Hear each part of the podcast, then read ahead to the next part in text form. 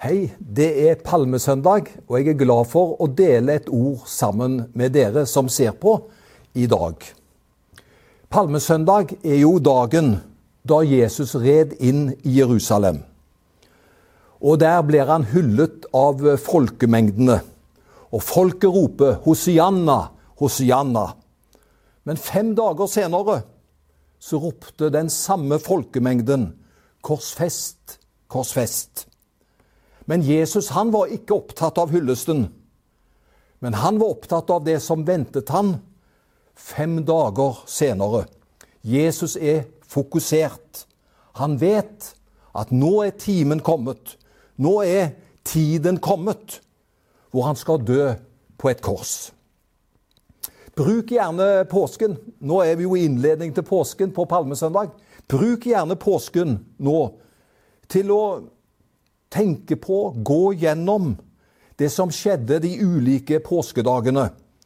Det, det fyller en med eftertanke, og det gjør at påsken blir enda mer meningsfullt. Når man liksom kan gå gjennom programmet dag for dag, hva som hendte i Jesu liv. Denne dramatiske påskehøytiden for ca. 2000 år siden. Jeg skal hjelpe deg med bare stikkord på noen av disse dagene i påsken. Palmesøndag i dag, det er den dagen hvor Jesus blir hylla for den han er. Jesus er konge. Vi kan godt si at det er kongedagen. Da blir han hylla av folkemengdene i Jerusalem på palmesøndag. Går vi til skjærtorsdag, så står den dagen for vin og brød. Det var jo da Jesus innstiftet nattverden. Det er en invitasjon til nærhet. Skjærtorsdag, en dag til nærhet. Jesus ønsker å dra oss inn til seg gjennom nattverden. Og så kommer vi til langfredag.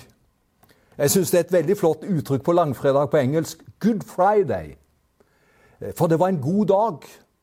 På en måte så var det en veldig mørk og trist og fortvila dag. Men sett med Guds perspektiv så var det virkelig en god fredag. Det var den som skapte håp for oss. Men langfredag, stikkordet for langfredag, det er uskyldig og allikevel straffet på vegne av oss. Og så er det første påskedag.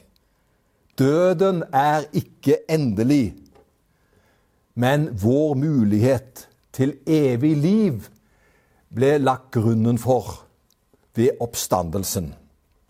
Det var en sånn liten mini-oppsummering eh, av de typiske påskedagene som ligger foran oss. Men i dag så har jeg en veldig underlig overskrift på talen min. Men jeg tror den er aktuell i forhold til tematikken som florerer overalt i hele verden, og ikke minst i vårt land. Jeg skal rett og slett si litt om at vaksinen er her.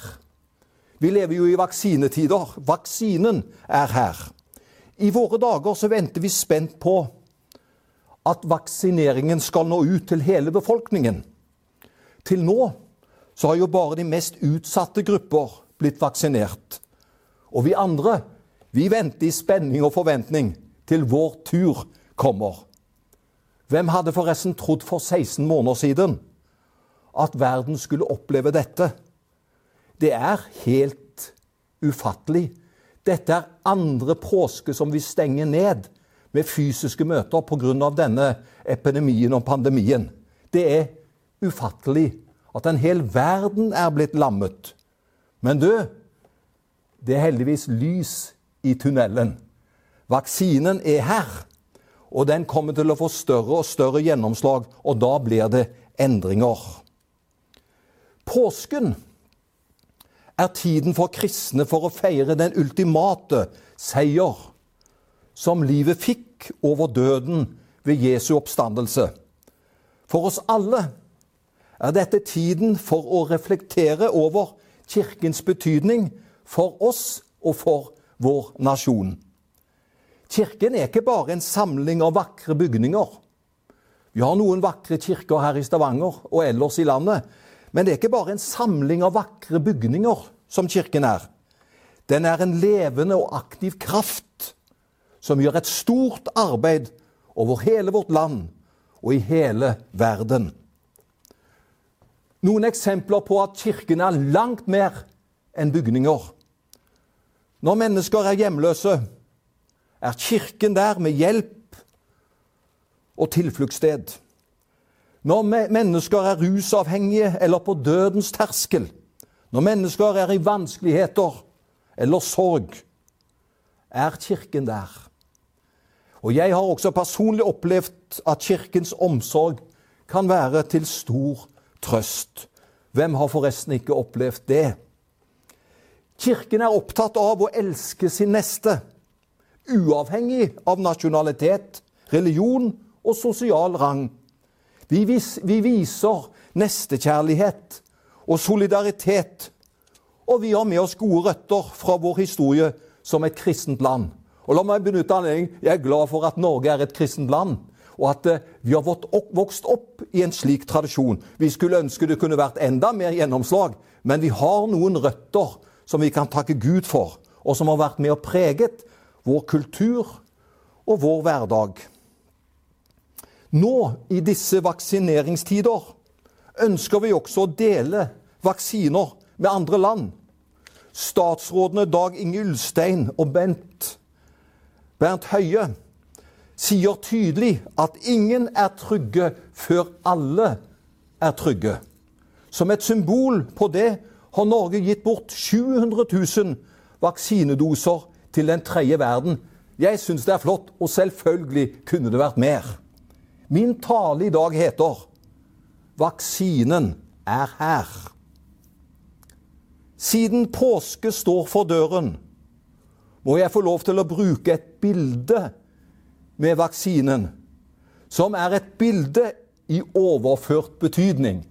Så nå bruker jeg det mest aktuelle for oss og setter det inn i en setting, i en tale. Og da bruker jeg det vaksinen er her. Før Jesus kom til vår jord, var hele kloden gjennomsyret av en verdensvid pandemi. Bibelen sier i Romerne 3,23.: For det er ingen forskjell. For alle, absolutt alle, har syndet og mangler Guds herlighet. Ingen av oss, selv hvor gode vi er, selv hvilken CV vi har, ingen av oss klarte å komme ut av denne situasjonen uansett hva vi gjorde. Synden var en makt som gjennomtrengte hele menneskeheten. Vi var fortapte, alle sammen.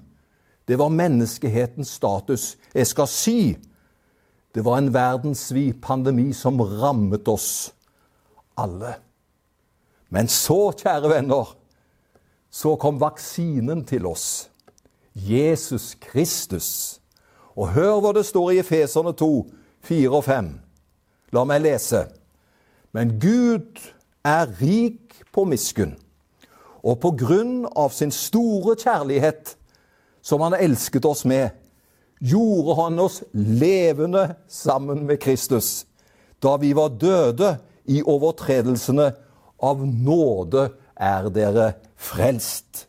Vaksinen virket. Han gjorde oss levende med Jesus Kristus.